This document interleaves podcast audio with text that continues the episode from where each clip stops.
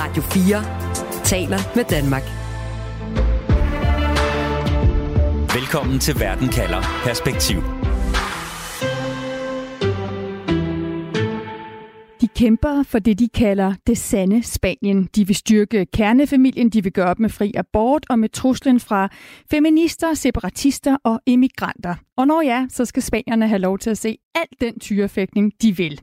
Sådan lyder budskabet fra Spaniens hurtigvoksende parti, som snart kan sidde med nøglen til den politiske magt, som det første på den yderste højrefløj siden Frankos diktatur. Til juli der skal spanierne nemlig til et valg, der er blevet hasteudskrevet af en presset spansk premierminister og leder af venstrefløjsregeringen. Et valg, der kan varsle om, at Spaniens fascistiske fortid har mistet betydning blandt vælgerne. Derfor spørger jeg, er frygten for Franco blevet fortid i Spanien? Jeg hedder Stine Krohmann Dragsted. Velkommen til Verden kalder perspektiv, hvor jeg stiller et spørgsmål, der giver dig perspektiv på verden omkring os, og på 30 minutter giver dig et svar. Du lytter til Radio 4. Efter en kaotisk periode med fire valg på fire år, der har den spanske premierminister nu siddet på magten de sidste tre år. Han hedder Pedro Sanchez, og han har støtte fra en venstrefløjskoalition. Men i sidste uge, der udskrev premierministeren altså valg i Spanien, et valg, der skal afholdes hurtigt, og før det egentlig var meningen. Kasper Klok, journalist med base i Barcelona, velkommen til Verden kalder. Tak for det. Kasper, hvorfor udskriver den spanske premierminister valg nu? Det er en direkte konsekvens af det lokalvalg, der blev afholdt i søndags, øh, hvor øh, socialisterne og hele venstrefløjen led et meget stort nederlag. Og for Pedro Sanchez handler det simpelthen om at forsøge øh, at fjerne fokus fra, fra den her nederlagsfortælling, og så sætte fokus på en ny fortælling, som bliver den her kamp mod det fremstormende højre. Men altså, Kasper, når jeg lige kigger på de økonomiske nøgletal i Spanien, så ser det ud som om, det går helt okay. Det her, det var et lokalvalg. Altså, hvad, hvad, hvorfor skal det have konsekvenser for Pedro Sanchez, som jo leder en nationalregering? Man kan sige, at valget på, på mange måder øh, var iscenesat som sådan en slags folkeafstemning for eller imod øh, Pedro Sanchez altså, øh, og hans regeringsførelse. Der er rigtig, rigtig mange i Spanien, som øh, hader, eller virkelig, virkelig er store modstandere af Pedro Sanchez, og, og det her øh, valg øh, blev simpelthen øh, brugt af mange af, af de mennesker til at, at sende et signal øh, om, at øh, de ønsker ham udskiftet, de ønsker øh, en ny kurs for Spanien, de ønsker i sidste instans også en ny national regering. Lad mig byde en til stemme velkommen til programmet, nemlig dig, Carsten Humlebæk, lektor på CBS og også forsker i spanske forhold. Carsten, hvad er det for en politik, som premierminister Sanchez har ført, som øh, den blå blok i Spanien mener er gået for vidt?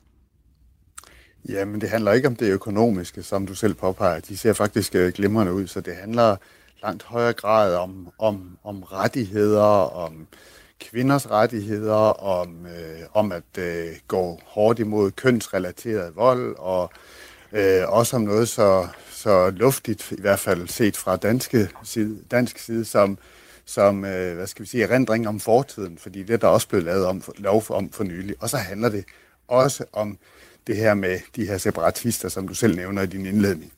Altså dem, der efter ifølge højrefløjens mening vil øh, slå Spanien, der vil ødelægge Spanien. Altså de katalanske separatister, dem er der flere forskellige partier, der, der er, og så også de, øh, de baskiske separatister, som også er nødvendige parlamentariske støtter for Pedro Sanchez regering.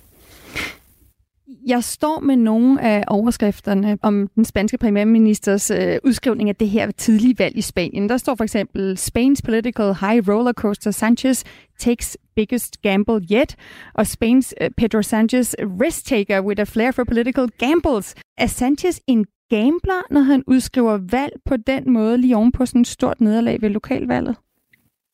Altså, det kan man, på den ene side, så han, han, han, han er både modig og, eller dumdristig, alt afhængig af, hvordan man ser det, men faktisk har højrefløjen i månedsvis, måske endda et helt år, krævet hans afgang og sagt, at nu må han spørge spanierne om lov, så et eller andet sted, så tager han dem nærmest bare på ordet.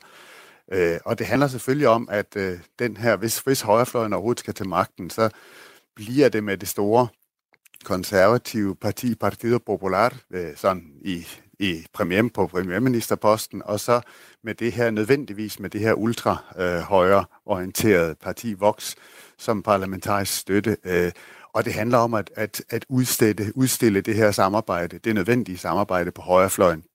Og samtidig forsøger han også at presse sine koalitionspartnere på venstrefløjen, fordi der er problemet, at der er splittelse mellem nogle af de her venstrefløjspartier, og splittelsen har ikke gjort noget godt for dem i det nyligt overståede regionalvalg. Så det her med både at presse højrefløjen, og så også dem, der sidder på hans venstrefløj, til at samarbejde, øh, er, er hans dagsorden og grunden til at udskrive valget så, så, så hurtigt, som det nu kunne lade sig gøre her øh, inden sommerferien.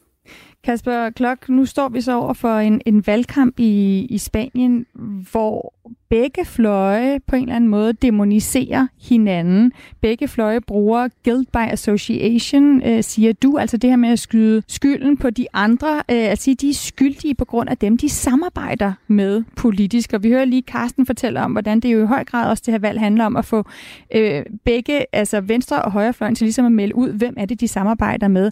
Hvad mener du med det her guilt by association, Kasper? Man kan sige, at en af de ting, som, som virkelig har ramt øh, Pedro Sanchez hårdt, det er, at han har været afhængig af, af de her øh, baskiske og katalanske nationalistpartier, hvor nogle er separatistiske. Øh, og han har måttet betale øh, for øh, den støtte i parlamentet, og nogen synes alt, alt for dyrt, blandt andet ved at benåde de, øh, katala- de fængslede katalanske ledere, som blev dømt for deres forsøg i løsrivelses, øh, eller for deres rolle i løsrivelsesforsøget i 2017. Straffeloven er også blevet ændret, så man ikke vil kunne dømme tilsvarende, og det kan komme nogle af de landflygtige katalanske ledere til gode. Og så er der også indgået nogle aftaler med øh, de baskiske nationalister, blandt andet at øh, baskiske fanger kan komme hjem til fængsler i Baskerlandet, tidligere ETA-dømte. Og især det her samarbejde med, øh, med ETAs politiske gren, som hedder Bildu, er noget, der er faldet rigtig mange spaniere for brystet, at man kan øh, basere sin, øh, sin magt i det nationale parlament på et parti, som ikke har taget entydigt afstand fra den terrorisme, der er foregået i Spanien i øh, næsten 50 år. Det er for mange mennesker et svigt øh, så stort, at en mand, som, øh, som begår det, ikke fortjener at sidde på øh, premierministerposten. Så der har vi altså Guild by Association på, på, den, øh, på venstrefløjen, altså den venstrefløjskoalition, som har magten nu. Altså Sanchez, han samarbejder med terrorister, hvis vi skal sige det direkte. Hvad, hvad, yes. Hvordan ser, ser det ud på, hvad, hvad siger venstrefløjen så om højrefløjen, hvor vi jo har det her store øh, konservative parti, og så har vi det yderste højrefløjsparti, Vox, der stormer frem. Hvad er skræmmebilledet der? Jamen skræmmebilledet er, at Vox øh, efter næste valg med stor sandsynlighed kan komme i regering. Og øh, det er selvfølgelig noget, som altså, partiet har, har haft en, øh, altså, en øh, kort og meget eksplosiv øh, tilstedeværelse i spansk øh, politik, men først for nylig er de begyndt at træde ind i reelle øh, magtpositioner, og det er sket i nogle regionale parlamenter, og det er sket i nogle byråd. Øh, så, og det er jo noget af det, der kommer til at ske som konsekvens af det her lokalvalg også. Så det her øh, scenarie, som, som nu er blevet, altså, øh, er kommet meget, meget tæt på, at Vox, det yderste højre, lige pludselig kan sidde øh, i en spansk regering. Det er det helt store skræmmebillede, som øh, Sanchez og resten af venstrefløjen vil forsøge at tegne op frem mod valget og sige til vælgerne, prøv at mobilisere vælgerne især på venstrefløjen. I må alle sammen ud og stemme, I må alle sammen gøre alt, hvad I kan for at forhindre, at det her til, kommer til at ske. Godt, lad os tage et nærmere kig på netop Vox, på det her yderste højrefløjsparti, som altså kan ende med at sidde med nøglen til magten. Du lytter til Verden kalder Perspektiv på Radio 4. Den fascistiske diktator Franco ledede Spanien frem til 1975. Og Kasper, du siger, at mange troede, at Spanien af den grund var vaccineret, kan man sige, imod bevægelser fra, det, fra den yderste højrefløj. Nu peger mange så på, at, øh, at det kan være, at Vox kan få politisk indflydelse i, i Spanien, og det er altså første gang, det yderste højre kan komme til siden Franco. Hvor sikkert er det, at, at Vox får politisk indflydelse, hvis højrefløjen, hvis det store højrefløjsparti PP vinder valget? Øhm, det, der er ikke nogen meningsmålinger, der tyder på, at PP kan få flertal alene. Så hvis de skal regere, hvilket de selvfølgelig gerne vil, så bliver det med stemmer, støtte fra Vox, og det store spørgsmål er selvfølgelig, om Vox så vil kræve ministerposter, og det tyder alt på, at de vil. Så sandsynligheden for, at Vox sidder med i en regering efter valget i juli, er ganske stor. Carsten Humlebæk, altså øh, viser det her parti Vox, viser det, at øh, Spanien ikke længere, hvis vi skal bruge det ord igen, er vaccineret, så at sige, mod det yderste højre, på grund af deres fortid øh, med Frankrigs, øh, Frankos øh, diktatur? Det har man jo snakket en hel del om, det her med, at Spanien var vaccineret, og, og, og en tid lang har den selvfølgelig, øh, har det selvfølgelig fungeret. Man kan sige, at vaccinen er måske efterhånden udløbet, og der findes ikke nogen ny kur. Måske er Spanien jo bare blevet et normalt land i sådan en europæisk sammenhæng, og udsat selvfølgelig også for nogle af de samme bevægelser for, fra globalisering. Vi ser jo også de her højrefløjspartier, eller lignende højrefløjspartier vinde frem andre steder i Europa, inklusive i Danmark. Øh, så, så, altså, så der, der var i virkeligheden også nogle andre ting på spil, end bare det her med, at man øh, var bange for at øh, skulle gentage øh, skulle gentage øh, en form for fascistisk styre. Øh, Spanierne øh, havde selv, en af grundene til, at man heller ikke købte den diskurs, var blandt andet, at spanierne selv har været økonomiske flygtninge i Europa. Så derfor har man dybest set en lidt anderledes holdning, øh, ser man i hvert fald, øh, sådan, også når man sammenligner i Sydeuropa, lidt anderledes holdning til, til immigranter. Man solidariserer sig i højere grad med dem, hvor indvandrerfrygten er noget af det, der har drevet den slags partier frem i, i, øh, i andre egne af Europa. Så, så altså, jeg tror ikke, man skal overdrive det her med vaccinens skyldighed. Øh, Spanien var øh, måske lidt, lidt øh, ud over det normale i, øh, i en europæisk sammenhæng en lang, en lang række år, og nu er Spanien blevet, blevet mere normal, altså i den henseende. Så i virkeligheden måske en vende tilbage til det normale på sådan et politisk spektrum, hvor man også kan have plads til det yderste højre. Lad os lige forstå så, hvem det yderste højre i Spanien er, hvad det er, de står for. Det her parti Vox, de bragede ved valget for fire år siden ind på den politiske scene i Spanien og fik succes som det tredje største parti i landet. De sidder allerede nu, som du også sagde, Kasper, øh, med ved bordet flere steder regionalpolitisk i Spanien. Og på overfladen, der kan det jo lyde, som den her historie, du hensyder til, Carsten, om endnu et højrefløjsparti, der vinder frem i Europa øh, på at stå med, for en hård linje over for indvandrere og immigranter. Men Kasper, du er enig i, at det i virkeligheden slet ikke det mest øjen, i øjenfaldene ved, ved Vox. Det ligger et helt andet sted. Hvor ligger det? Jamen, hele indvandringsspørgsmålet fylder overraskende lidt i øh, deres politiske øh, program og i hele deres øh, diskurs. Øh, og det øh, skyldes formentlig, muligvis, at, øh, at der findes nogle andre i Spanien, som ligesom optager den rolle allerede som øh, dem, der udfordrer fællesskabet, dem, der udfordrer nationens sande essens. Og det er i Spaniens tilfælde i særdeleshed øh, baskerne og katalanerne, dem, der ligesom ødelægger det for de andre, dem, der vil noget andet, dem, der er anderledes, dem, der insisterer på at tale deres eget sprog og senest som faktisk forsøgte at løsrive sig fra Spanien, som øh, var tilfældet med Katalonien i 2017. Og det var netop, altså, og det, det kan måske også være en af årsagerne til, at det er sket så sent øh, i Spanien, at det yderste højre er kommet frem. Det var ligesom den store øh, udløsende faktor for Voxes popularitet. Det var deres øh, kurs øh, mod den her katalanske løsrivelsesbevægelse. Men så lad os lige kigge, Kasper, på Voxes partileder, som jo har en personlig erfaring i forhold til den her løsrivelsesbevægelse. Han har sagt i interviews, at nøglen til hans succes er, at han siger sandheden, at han har nogle klare budskaber, og så går han med pistol, som han mener er nødvendig for at beskytte sine fire børn, ligesom han har beskyttet sin afdøde far. Hvordan hænger Voxes partileder egen opvækst sammen med, hvad Vox står for, Kasper? Jamen altså, han, han er jo øh, øh, han er opvokset i Baskerlandet. Øh, hans farfar var øh, borgmester, øh, en franco-borgmester. Hans far var øh, højstående medlem af det konservative parti, og derfor også jaget vildt i Baskerlandet på det tidspunkt øh, i de første år demokratiet, hvor øh, øh, ETA øh, terroriserede, øh, og, og Abascals øh, personlige øh, historie handler om, om at leve i, øh, i frygt om ikke at måtte mene det, man, øh, man ønsker rent politisk, øh, og at være nødt til at bruge øh, eller bære våben for at beskytte sig selv og sin familie. Og det er simpelthen den fortælling, han har taget med ind i partiet, og en fortælling, øh, en, en, sådan en, en erfaring og en, øh, en, et, øh, en oplevelse af, øh, hvad der er på spil i Spanien, som han har taget med ind i, i sit parti, som dybest set er, er grundlagt på den her øh, den her idé om, at Spanien er ved at falde fra hinanden, og at øh, nogen skal beskytte det sande Spanien. Øh, og det er så Vox, der påtager sig den rolle. Han var tidligere medlem af øh, det konservative parti, men følte, at de var blevet for blødsødende over for de her øh, nationalistiske, separatistiske kræfter i Katalonien og Baskerlandet, og valgte sig derfor at grundlægge sit eget parti. Så vi har altså den her nye fortælling, Carsten, øh, fra, fra Voxes partileder Santiago Abascal.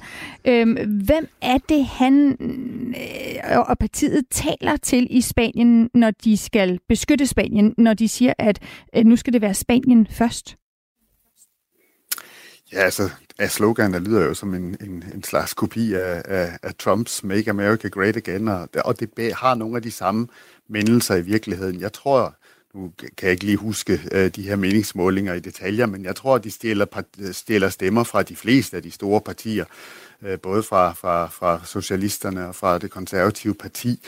Øh, og det er dybest set dem, der er øh, angste for fremtiden, måske dem, vi kunne kalde globaliseringstabere, dem, der har mistet deres job, eller kan se, at deres, deres arbejdspladser de forsvinder, og de har svært ved at omstille sig til noget nyt.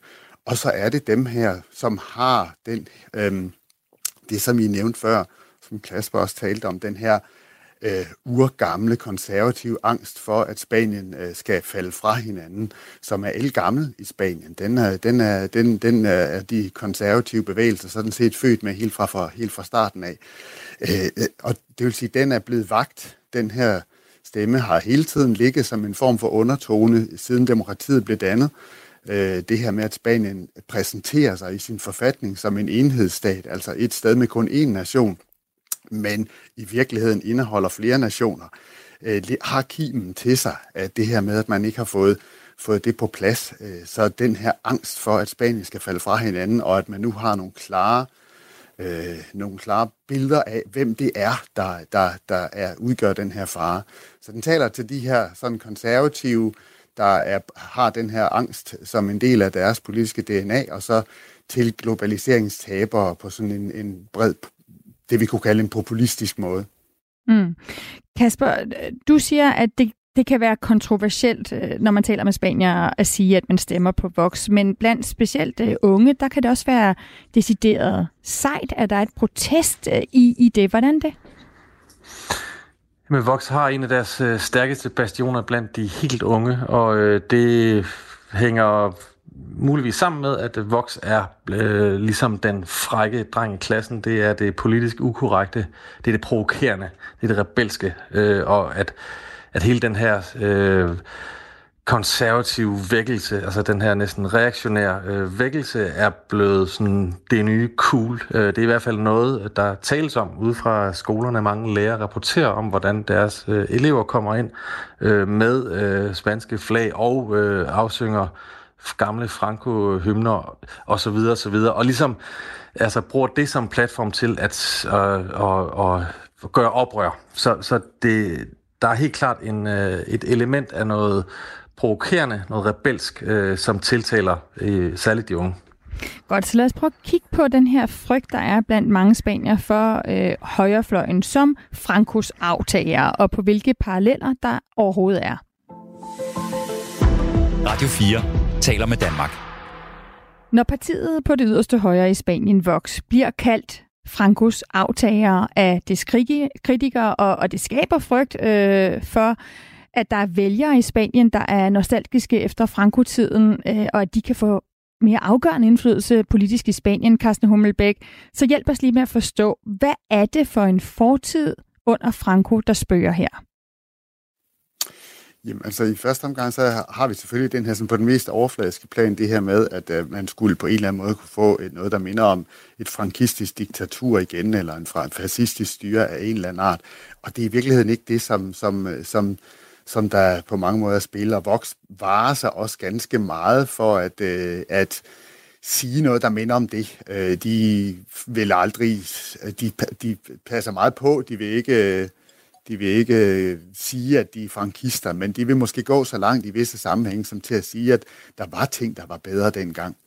Øh, så det handler i virkeligheden lige så meget om den diskurs og den øh, socialisering, som Frankostyret stod for igennem alle de 40 år, som de faktisk var, øh, var ved magten. Altså at man øh, var bange for en repetition af borgerkrigen. Altså at, at spanierne et eller andet sted ikke har den tilstrækkelige demokratiske kultur til at øh, kunne bestride demokrati. Så det handler i virkeligheden om at rasle lidt med sablen for frygten for, at, øh, at, at Spanien skulle kunne komme i en borgerkrigslignende tilstand igen. Så det er ikke bare frygten for diktaturet, men også fra, for den borgerkrig, som Frankos diktatur blev, blev grundlagt øh, på. Og så er der, Kasper, den her fortælling om, som øh, Højrefløjspartiet Vox dyrker, øh, om, om det sande og det forkerte Spanien. Prøv lige at fortælle, hvad, hvad går den fortælling ud på? Altså, hvem er de forkerte, og hvem er de usande spaniere? Jamen, det, altså, og det, igen, det er jo også en fortælling, som har rødder, rødder helt tilbage fra, øh, fra borgerkrigen. Den her idé om, at man kan dele øh, spanier op i, i rigtige spanier og forkerte spanier. Øh, og de forkerte i den her kontekst, det vil jo typisk være øh, folk på venstrefløjen, i hvert fald hvis man kommer ud i på den yderste del af, af venstrefløjen, og så vil det være hele den her woke-bevægelse, hele den feministiske bevægelse, hvad alt den indebærer, øh, og alt, alle de konsekvenser, det har haft for, for, øh, for kønsroller, traditionelle værdier osv. Og så, altså, så de store øh, fjendebilleder i Voxes øh, politiske projekt, det er jo blandt andet øh, feministerne og, øh, og hele sådan den her øh, øh, kønsideologiske bevægelse, øh, som man mener er med til at ødelægge Spaniens sande sensor. Og Kasper, dem der så står på den anden side, dem der frygter en tilbagevenden enten til en frankotid eller til en meget polariseret tid, hvor at, at der kan komme så meget splid og splittelse, at demokratiet bliver svækket, hvis Vox får politisk magt, hvor begrundet er deres frygt? Jamen, jeg tror, den er, den er rimelig øh, velbegrundet. Altså, man kan sige, at polariseringen er her allerede, og den har været her i øh, en del år. Øh, det er blevet sådan en øh, konstant i spansk politik, øh, som nærmest bliver værre for, for hvert eneste år, der går. Og noget af det, som... Altså, og, og, det, og det er sådan set ikke anderledes nu, hvor det så er det her øh, venstrefløjsparti Podemos, som, som øh, sidder i regeringen, fordi de dybest set repræsenterer det samme for den modsatte fløj, som Vox gør for venstrefløjen. Så man kan sige, at polariseringen er et faktum. Skulle Vox øh, komme til magten, så er der ingen tvivl om, at det vil have en effekt i, øh, i et område, hvor jeg befinder mig her i Katalonien, hvor, hvor det vil kaste øh, ny benzin på, øh, på den her katalanske uafhængighedsbevægelse, fordi man vil have et fjendebillede. Man vil have et parti i regeringen, som har erklæret, at de vil øh, øh, suspendere det regionale selvstyre, de vil recentralisere Spanien. Så der har du virkelig noget at kæmpe for igen. Så Carsten, hvor splittet er spanierne i synet på, på deres fortid med Franco og hans diktatur? Jamen, de er faktisk meget splittet. Altså, det er der ingen tvivl om. Sådan som Kasper også siger, polariseringen er der, og det her et af de emner, som spanierne slet ikke kan enes om, det er det her med synet på fortiden. Fordi der jo i virkeligheden aldrig er blevet foretaget et, et, øh, et opgør, et, et retsopgør efter, efter diktaturet. Det var lige præcis en forhandlet overgang, hvor øh, diktaturets, hvad skal vi sige, moderate, øh, moderate øh, folk øh, indgik nogle aftaler, øh, da der skulle laves et demokrati med den demokratiske opposition. Så der er aldrig blevet lavet et retsopgør, og det spørger dybest set stadigvæk. Når det så er sagt, så altså politisk er, kan de ikke enes om fortiden. Og der er de splittet i de to blokke, der står over for hinanden. Befolkningen er det måske ikke helt lige så splittet. Der er der sandsynligvis et, et, et ikke bravende, men et flertal for, at øh, hvad skal vi sige, for den afgivning, for eksempel som Sanchez har lavet her med, med loven om, om demokratisk erindring, hvor man dybest set går ind og siger, tager, tager nogle af, tager det ansvar på sig, som blandt andet FN siger, man skal, når man har masse grave med uidentificerede ofre liggende rundt omkring i landet. Øh, så der, der er der måske meget, der tyder på, at den, et skud kunne være, at 60 procent er for, og 40 procent er imod. Problemet er, at de 40 procent imod er meget højrystede og føler deres rettigheder gået for nær, og mm. mener, at den her fortid dybest set er, i, er kan destabilisere landet. Okay, vi skal lige nå en konklusion. Du lytter til Radio 4. For der skal være valg i Spanien, et valg, hvor det yderste højre for første gang siden Franco kan komme til at sidde med nøglen til regeringsmagten. Og derfor spørger jeg, er frygten for Franco fortid i Spanien? Kasper Klok, din konklusion på det spørgsmål? Nej, det er den ikke, men der er ingen tvivl om, at den er blevet relativiseret, og at der er rigtig, rigtig mange mennesker, som mener, at det er en øh, overdrevet frygt, at vi taler for meget om det, at øh, der er øh, store dele af de yngre generationer, som ikke rigtig ved, hvad det var, Øh, og så er der en politisk øh, strømning, som bare øh, øh, har lyst til noget andet end det, man har haft. Øh, så pendulet svinger mod højre. Mm. Det svinger ikke nødvendigvis mod Franco, men det svinger helt klart mod højre. Og Carsten, din konklusion er frygten for Franco fortid i Spanien?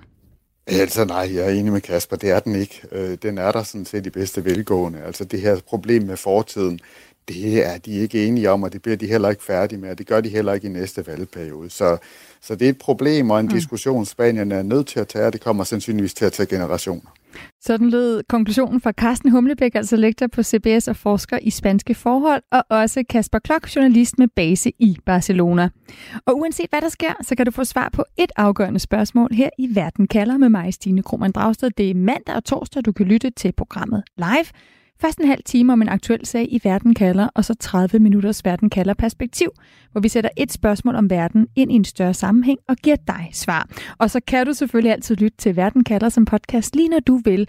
For eksempel kan du finde Verden kalder på Radio 4's app, eller lige der, hvor du lytter til dine podcasts. Du har lyttet til en podcast fra Radio 4. Find flere episoder i vores app, eller der, hvor du lytter til podcast. Radio 4 taler med Danmark.